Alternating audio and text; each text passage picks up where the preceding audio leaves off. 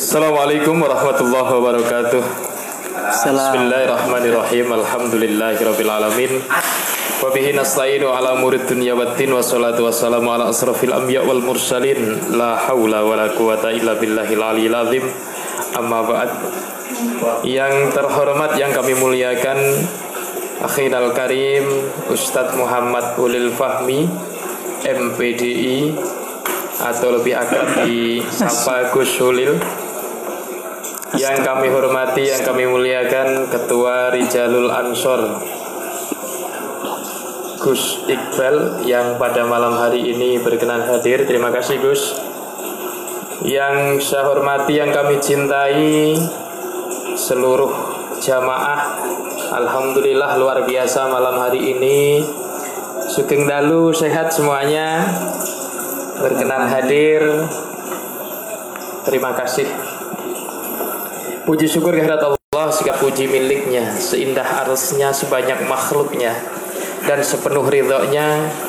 Karena berkat rahmat, hidayah dan inayahnya Kita bisa berkumpul Bermuajah, bermuasyarah dalam rangka ngaji bareng-bareng.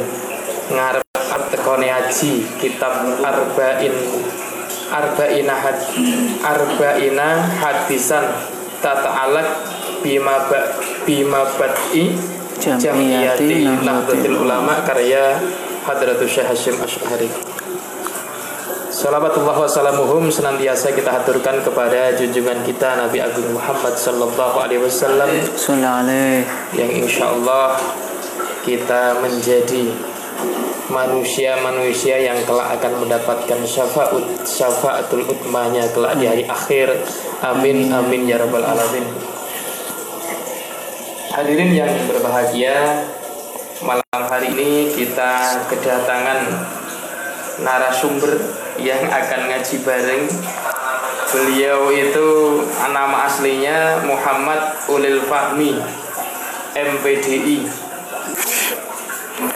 Tempat tanggal lahir Kalongan 8 Maret. Tahunnya rahasia katanya. Alamatnya Sabu Garut.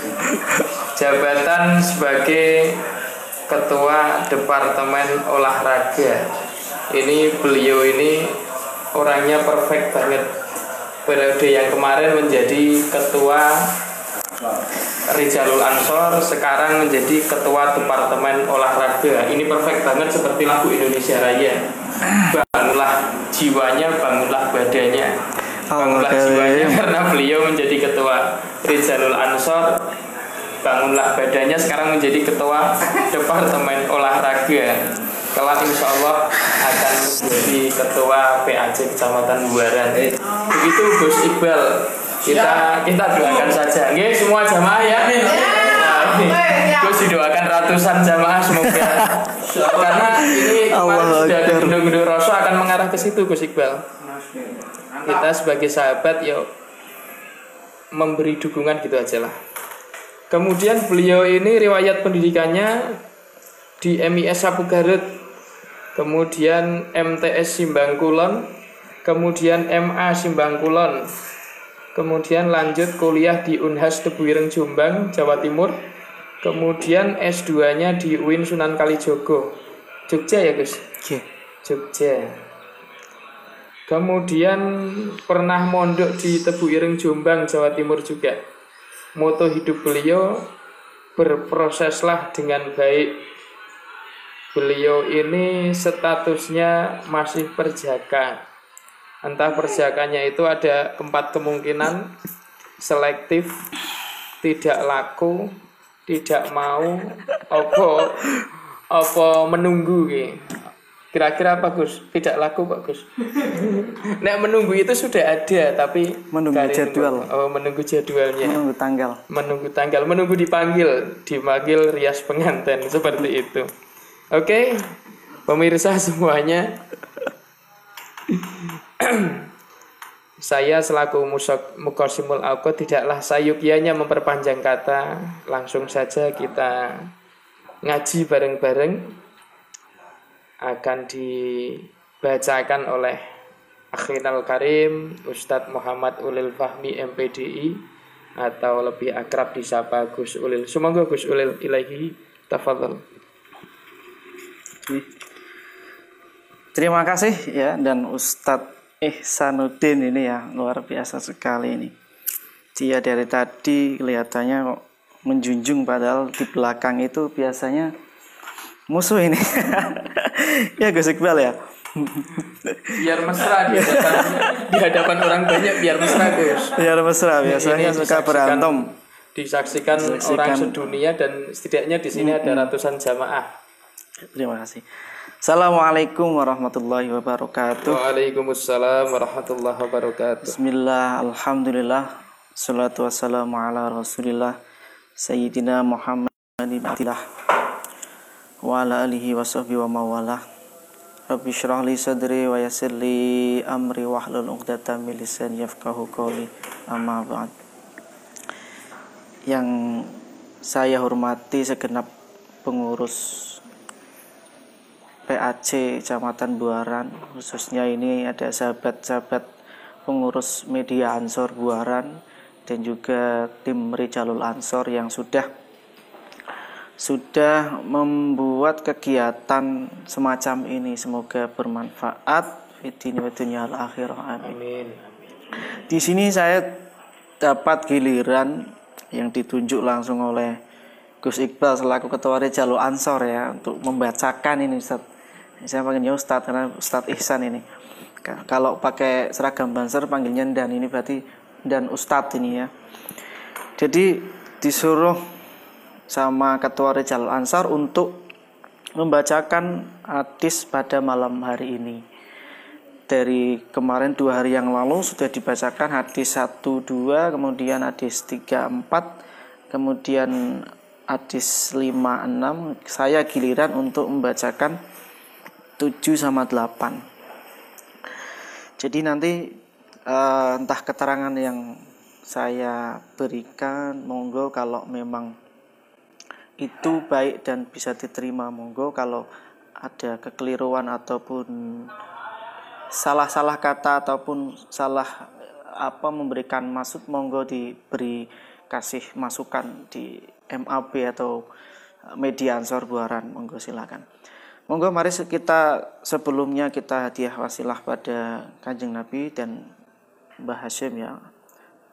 Ilahatul Mustafa Rasulullah Muhammad sallallahu alaihi wasallam sallallahu Syaikhul Qadir Jani Syaikhul Asani khususun ila mu'alifihim Mbah Hashim Masyari Mbah Abdurrahman Mbah Yai Ishaq Tapi Ireng Jampang Ano yang fa'ana berkatin wa tarjatin di jannah الفاتحة.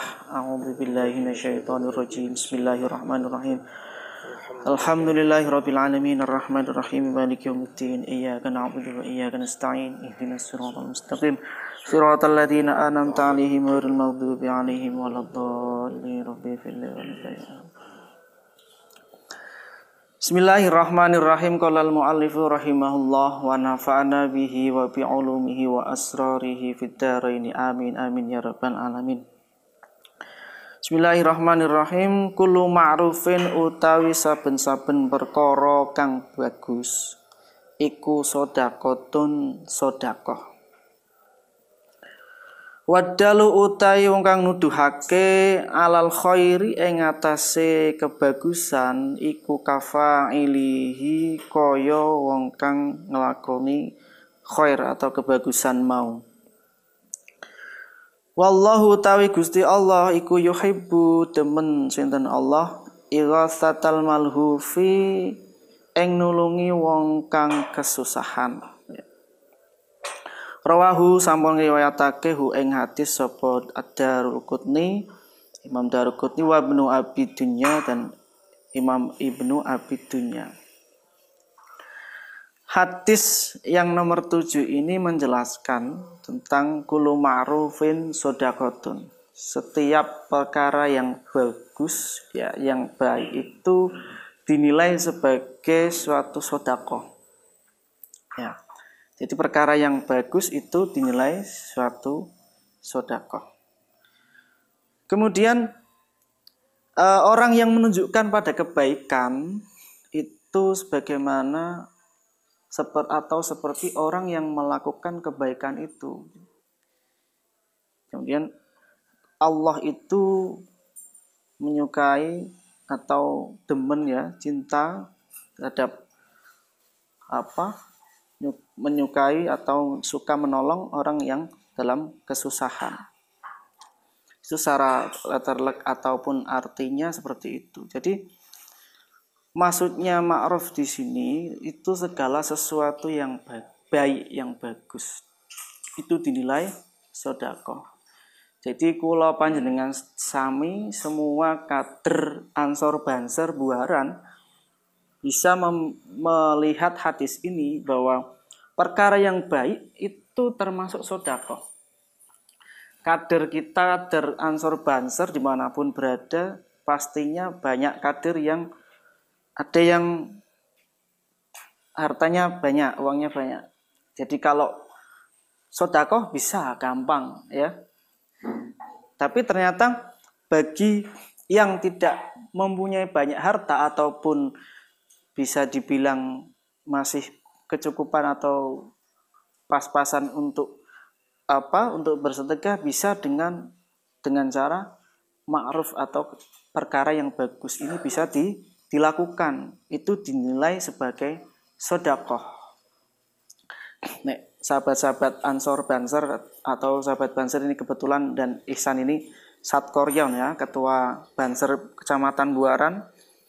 Eh, kan nanti kalau seumpama ada ngepam atau kegiatan Banser lainnya, kalau memang nggak bisa hikmah aktif dengan harta, bisa dengan amal soleh atau perkara yang bagus. Ya, jadi bisa dinilai sebagai sodako, nah, kan gitu. Lebih baik lagi dua-duanya. Lebih baik lagi dua-duanya. Harta dan tenaganya. Harta tenaganya. Contohnya ketuanya ini. Oh sahabat Haki Asenda Ustadz Haki uh, apa namanya harta, lagi tenaga, harta dan tenaga waktu. dan waktu harta sudah sudah tidak bisa dilakukan lagi ya lagi apa namanya hebat-hebatnya online ya. Mm-mm. Ini Gus Iqbal juga mau nyusul ini, Tat. Nah. Ini sebentar lagi ada endorse. Ada endorse. Iya dari Kang Haki Kang itu Haki. sudah dipersiapkan, cuman malam hari ini. Malam hari ini belum. Kita keburu pakai baju Keburu hitam. pakai hitam hitam. Mungkin Tapi nggak apa-apa. setelah ini enggak apa-apa. Insya Jadi. Jadi tidak melulu orang yang mempunyai harta saja. Ketika di sini dulu, ketika zaman Nabi ada cerita para orang-orang yang apa namanya kaumnya Nabi dulu sahabat-sahabat yang miskin itu eh, ngadu kepada Kanjeng Nabi. Kanjeng Nabi, wahai Kanjeng Nabi, karena ada hadis ala kulli muslimin sodakotun. Sebaiknya apa harus wajib terhadap bagi orang muslim itu bersedekah. Lah, kaumnya pada saat itu sahabat-sahabat Nabi mengatakan Kanjeng Nabi lah terus koyo kula sing ora duwe harta niku bagaimana? Kan seperti itu. Nabi menyarankan yo nek ora harta silahkan be, bekerja liakmal nah, kemudian bisa hartanya bisa disedekahkan. Lah kalau seumpama ndak bisa kanjeng Nabi ora iso kerja. Yo berbuat sing sing apa namanya yang bagus yang baik aja. Singkatnya cerita seperti itu. Karena berbuat baik itu juga dinilai sodakoh nah, terakhirnya kalau seumpama tidak bisa kan Nabi ya paling tidak menjauhi dari menjauhi dari perkara yang tidak ma'ruf yang tidak baik. Kata Nabi kafaan kasyarroka anin nas ya. Cegahlah atau ya jauhilah kalian itu perkara yang buruk terhadap orang lain atau manusia. Jadi nek ora bisa ngelakoni ma'ruf, ya berarti kita harus mencegah atau meninggalkan perkara yang tidak ma'ruf atau tidak baik itu. Jadi uh, seperti itu ya Ustaz ya. Kemudian hadis yang nomor 8. Bismillahirrahmanirrahim. Man utawi sapane wong ro akang ningali sapa man minkum saking sira kabeh. Mungkaron ing perkara mungkar, ing mungkar. Fal yughayyirhu mongko becik ngowah ana sapa man hu ing mungkar. Biadihi kelawan tangane man. Fa ilam yastati mongko lamun ora bisa sapa man ing wah atau ing ngrubah mau nganggo tangan fabilisah mongko becik ngawahono kelawan lisane man. Fa ilam yastati mongko lamun ora bisa sapa man ora bisa yugoyer bilisani fa biqalbihi mongko becik ngawahono sapa man ing atine man. Wadhalika utawi fa biqalbi utawi mau ngowahano nganggo apa dengan hati iku adzaful iman itu luweh apes-apese iman. Rawahu sampun ngriwayatake hu ing hadis sapa muslimun Imam Muslim. Hadis yang nomor 8 ini barang siapa yang melihat suatu kemungkaran maka cegahlah dengan tangan. Ya, yang pertama. Kemudian kemudian apabila tidak bisa menggunakan tangannya maka cegahlah kemungkaran itu dengan lisan. Nah, kemudian apabila tidak bisa mencegah kemungkaran itu dengan lisan maka ingkarlah dalam hatinya. Maksudnya itu kita disuruh ingkar. Condong ketika tidak bisa dengan hati, tidak bisa dengan apa, tidak bisa dengan tangan, kemudian lisan, kemudian terakhir hatinya. Paling tidak kita hati, hati kita itu ingkar. Dan yang terakhir itu termasuk adaful iman, lemahnya iman. Jadi uh, kemungkaran ini di, disuruh untuk di, dicegah. Ya kemungkaran itu ya berarti tadi lawan dari ma'ruf itu perkara yang baik. Ini ada perkara yang mungkar. Tapi uh, kita melihat hadis ini tidak serta merta ngongkon pakai tangan pokoknya harus tangan. Tapi kita lihat lihat situasi dan kondisi dalam bermasyarakat. Karena orang yang tahu siasat, orang yang mau menjalankan amar ma'ruf itu harus tahu siasat atau harus tahu ilmu bermasyarakat. Nah, apalagi kita sebagai warga Indonesia berjuta-juta bangsa banyak suku agama yang harus saling menjaga. Jadi kita harus paling tidak dari minimal dengan apa namanya kalau dengan tang kalau dengan lisan itu sebenarnya kita masih bisa dengan tangan ya monggo silakan dengan tangan. Maksud dengan tangan itu ya dengan apa namanya gerakan tidak hanya cuman ngomong dengan pakai lisan saja. Kalau kita keadaannya kok kepepet tidak bisa dengan gerakan ataupun tadi maknya tangan tadi kemudian kita mau ngomong juga tidak bisa. Ya, hati kita ingkar ya. Paling tidak hati kita ingkar. Tapi untuk pembahasan ad-aful iman ini sangat panjang ya. Artinya maksudnya iman di sini apakah iman yang seperti apa? Nanti ini ini bisa dibahas lebih lanjut tentang ad-aful iman ini. Ya, mungkin itu yang bisa kami sampaikan kurang lebihnya mohon maaf. Assalamualaikum warahmatullahi wabarakatuh. Waalaikumsalam warahmatullahi wabarakatuh. Penjelasan yang disampaikan oleh Ustadz Muhammad Ulil Fahmi MPDI atau lebih akrab dikenal Gus Ulil. Luar biasa sangat detail. Kami kami kembalikan kepada jamaah yang hadir di sini. Itu yang di belakang bawa anak. Ada berdiri sampai bawa anak segala. Ibunya mana? Atau mau cari ibu yang sebelah sini? Ini yang sebelah kiri itu ibu-ibu semua masya Allah. Luar biasa. Pak malam hari ini Pak golek mantu napa mboten Bu?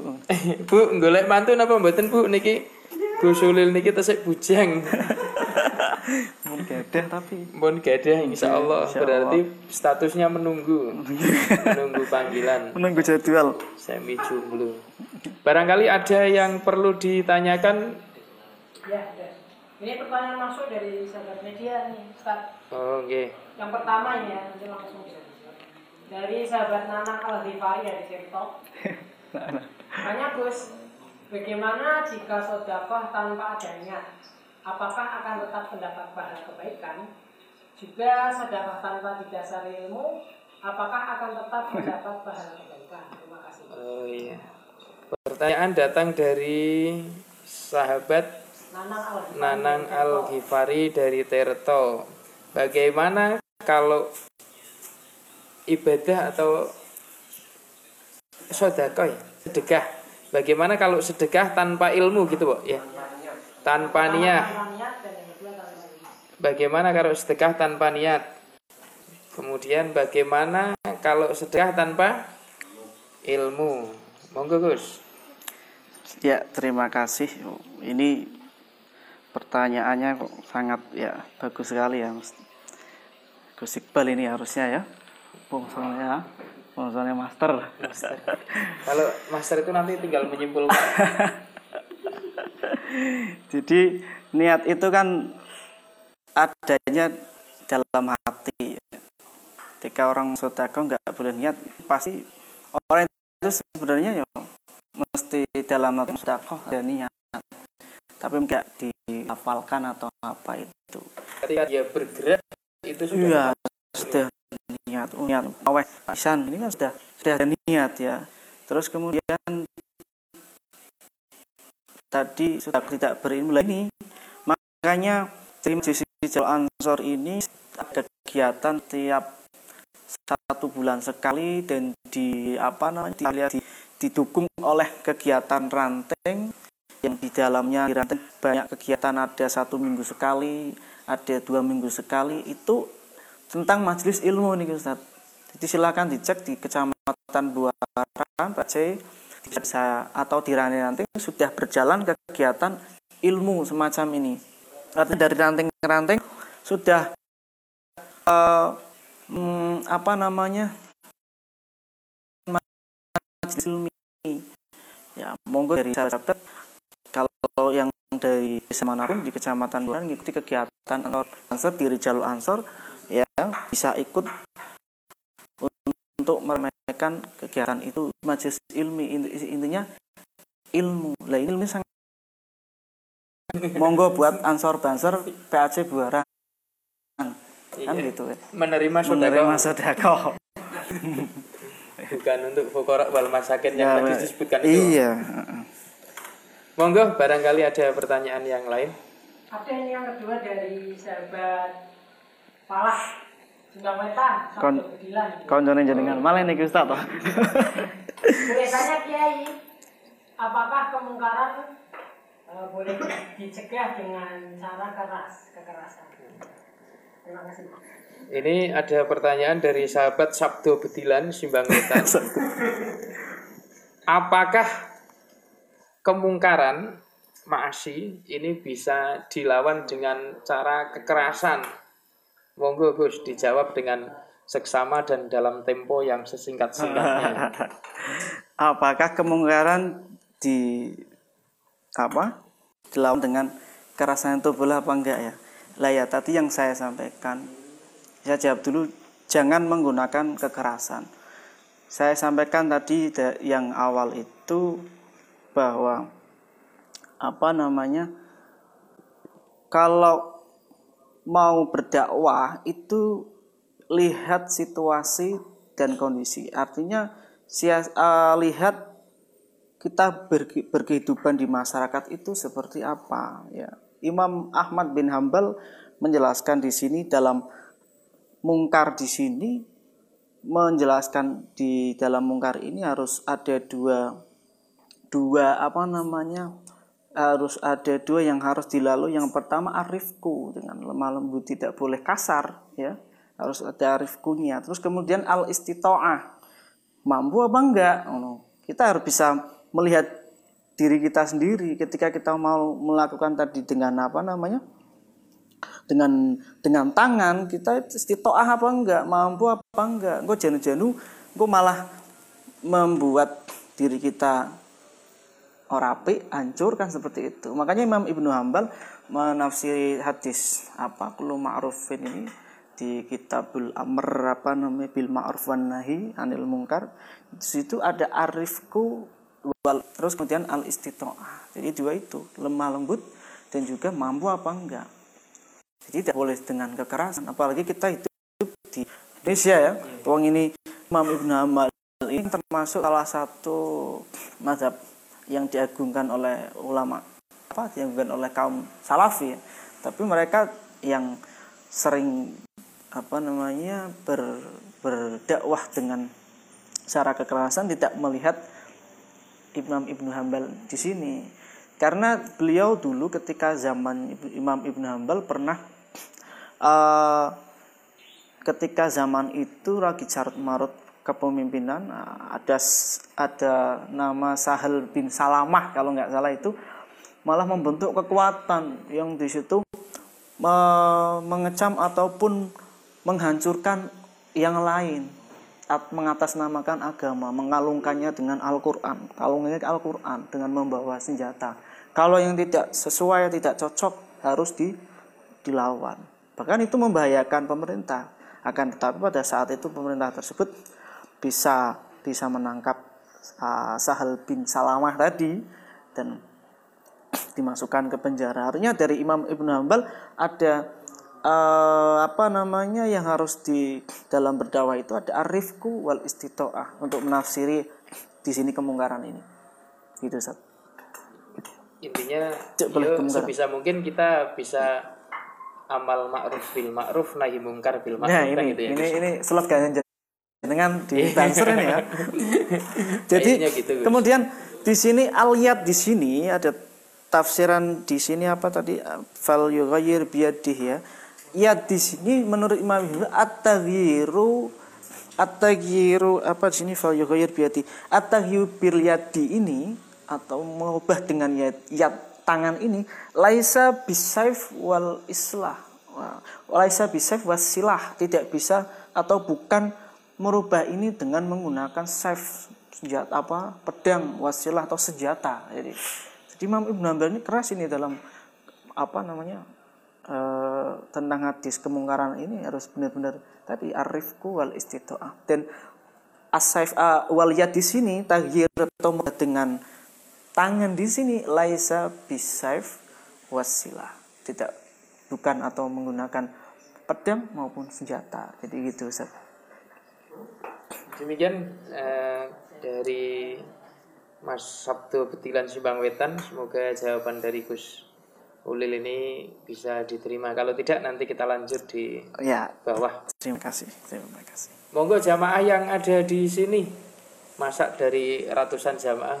Nggak ada yang tanya satu ada yang ibu-ibu ada yang tanya itu. Ibu-ibu ibu-ibu. Oh betul monggo monggo.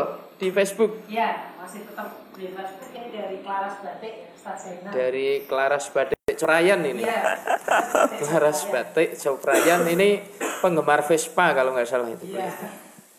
pertanyaan dari tangkap Gus bersedekah sedikit tapi ikhlas dan bersedekah banyak tapi tidak ikhlas untuk kalangan pemula lebih baik yang mana Gus? Terima kasih.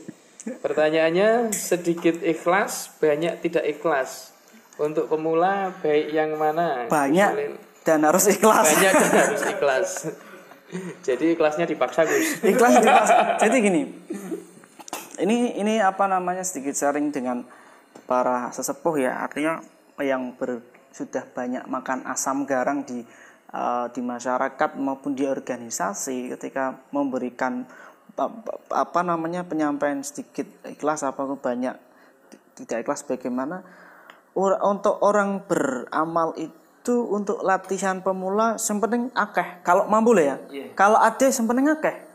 Ikhlas itu nanti ke bawah ya. Pembiasaan. pembiasaan. Kalau kita sudah biasa ngamal puk banyak lagi-lagi ngamal lagi puk banyak akan pembiasaan timbul suatu pembiasaan pembiasaan di mana dalam hal ini akhirnya ketika suatu ketika diminta sodakoh wes biasa gitu loh sudah terbiasa memberikan banyak. Akhirnya ketika mau banyak eh biasa. Bahkan kadang-kadang orang tersebut rindu kok rindu kok minggu ini ada, belum ada, ada proposal ah, datang. minggu ini kok nggak ada proposal datang. PKD biasanya misalnya. biasanya PKD oh ini mau lebaran kok nggak ada proposal yang datang. Saya mau mengeluarkan zakat. Ini? Itu sekedar contoh artinya itu. Itu itu apa namanya uh, berdasarkan pengalaman dari senior-senior ya ada Ustadz Rafiuddin dari Ketijayan ini yang sering senior kita yang selalu memberikan motivasi yang sudah banyak masa makan asam garam di makan asam garam di organisasi maupun bermasyarakat itu seperti itu Ustaz. Jadi mungkin monggo. Jadi berarti monggo. intinya untuk pemula dan harus ikhlas. Banyak dan dipaksa kalau ada harus ikhlas kalau ada. kalau, kalau nggak ada ya mau tadi banyak terus sedikit. Rano mana ya mau film uh, kulo ma'ruf ini. Uh, kon jogo banser kon jogo serandi. Oh yes. Bismillah niat mangkat jogo Oke, apalagi ini kalau mau lebaran bisa, ini ya, mau lebaran tidak bisa apa-apa, dia tidak berbuat tidak, jahat lah nah, seperti itu. Kalau tidak bisa berbuat apa-apa, maka tadi kafaan ya, alinas ya. Jadi ini orang bisa ngrewangi banser kon jogo ya wega, kon urun ya angel. Ya berarti apa? Ya jong merusak ansor banser kan gitu seperti itu ya.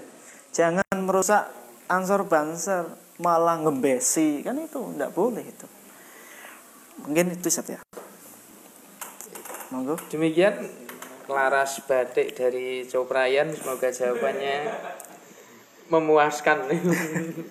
Seperti paling nanti ke sini paling nanti ke sini oh semoga, ah, semoga semoga. kalau belum memuaskan bisa ketemu di Lain. bawah. Okay. memuaskan seperti anak TPQ memuaskan.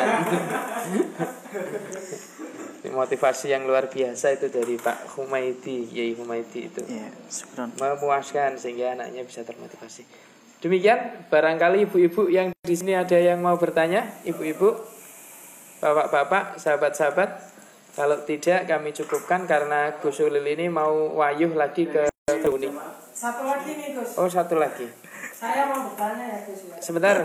Gus Ulil tolong yang di gedung ini dikabari dulu biar ini ada waktu biasa ini jam, jam terbangnya ke mana-mana iya Gus Iqbal ini satu tengkak atas panjangan ini